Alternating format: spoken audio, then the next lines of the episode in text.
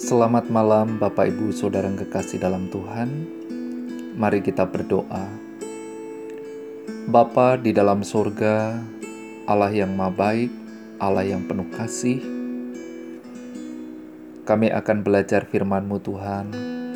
Kami memohon pertolongan, Roh Kudus memimpin, memberikan pengertian kepada kami di dalam nama Tuhan Yesus, kami menaikkan doa ini. Amin.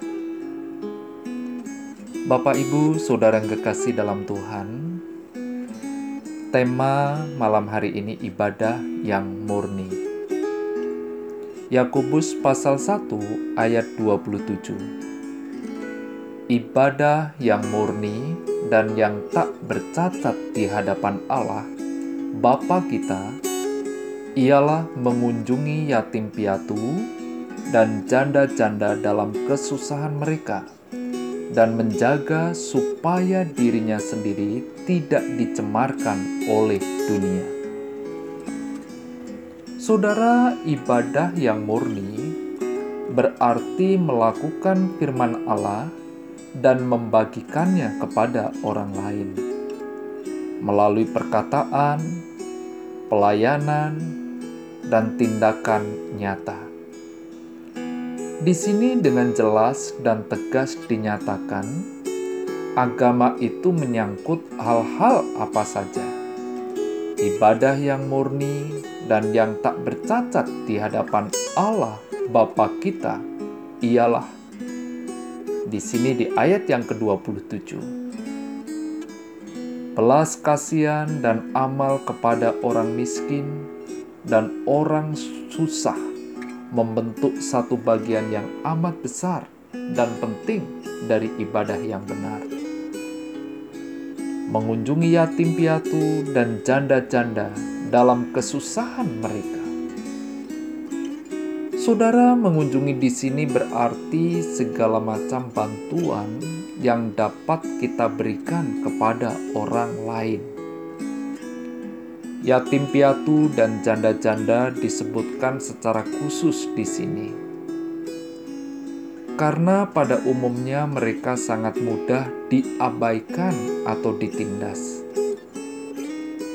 Tetapi yang harus saudara dan saya pahami dengan mereka ini adalah semua orang yang pantas diberi amal.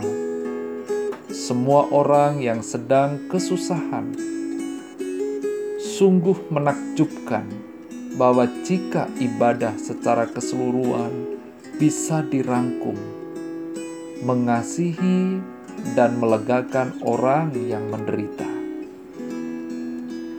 Saudara, kehidupan Kristen setelah meneliti firman, saudara dan saya melihat diri kita saudara dan saya melihat Kristus di dalam firman-Nya.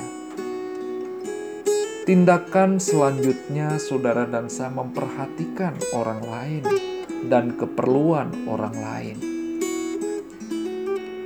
Yakobus memberikan dua prinsip yang mendefinisikan isi dari kekristenan yang sejati. Kasih yang sungguh-sungguh terhadap mereka yang memerlukan pertolongan di zaman Perjanjian Baru, anak-anak yatim dan janda-janda hampir tidak ada peluang untuk mencari nafkah. Mereka sering kali tidak memiliki pelindung atau penolong. Orang percaya diharapkan untuk menunjukkan kepedulian dan kasih yang ditunjukkan Allah terhadap orang yatim dan janda. Saudara memelihara kekudusan kehidupan saudara dan saya di hadapan Allah. Yakobus mengatakan bahwa kasih terhadap sesama harus disertai oleh kasih terhadap Allah yang terungkap dalam pemisahan dari cara dunia yang penuh dosa. Kasih terhadap sesama harus disertai oleh kekudusan di hadapan Allah. Jikalau tidak demikian, itu bukan kasih Kristen.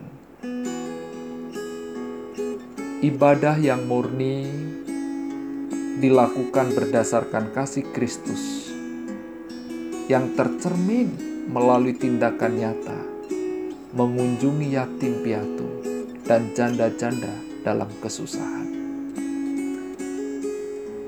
Saudara yang menjadi perenungan bagi kita semua,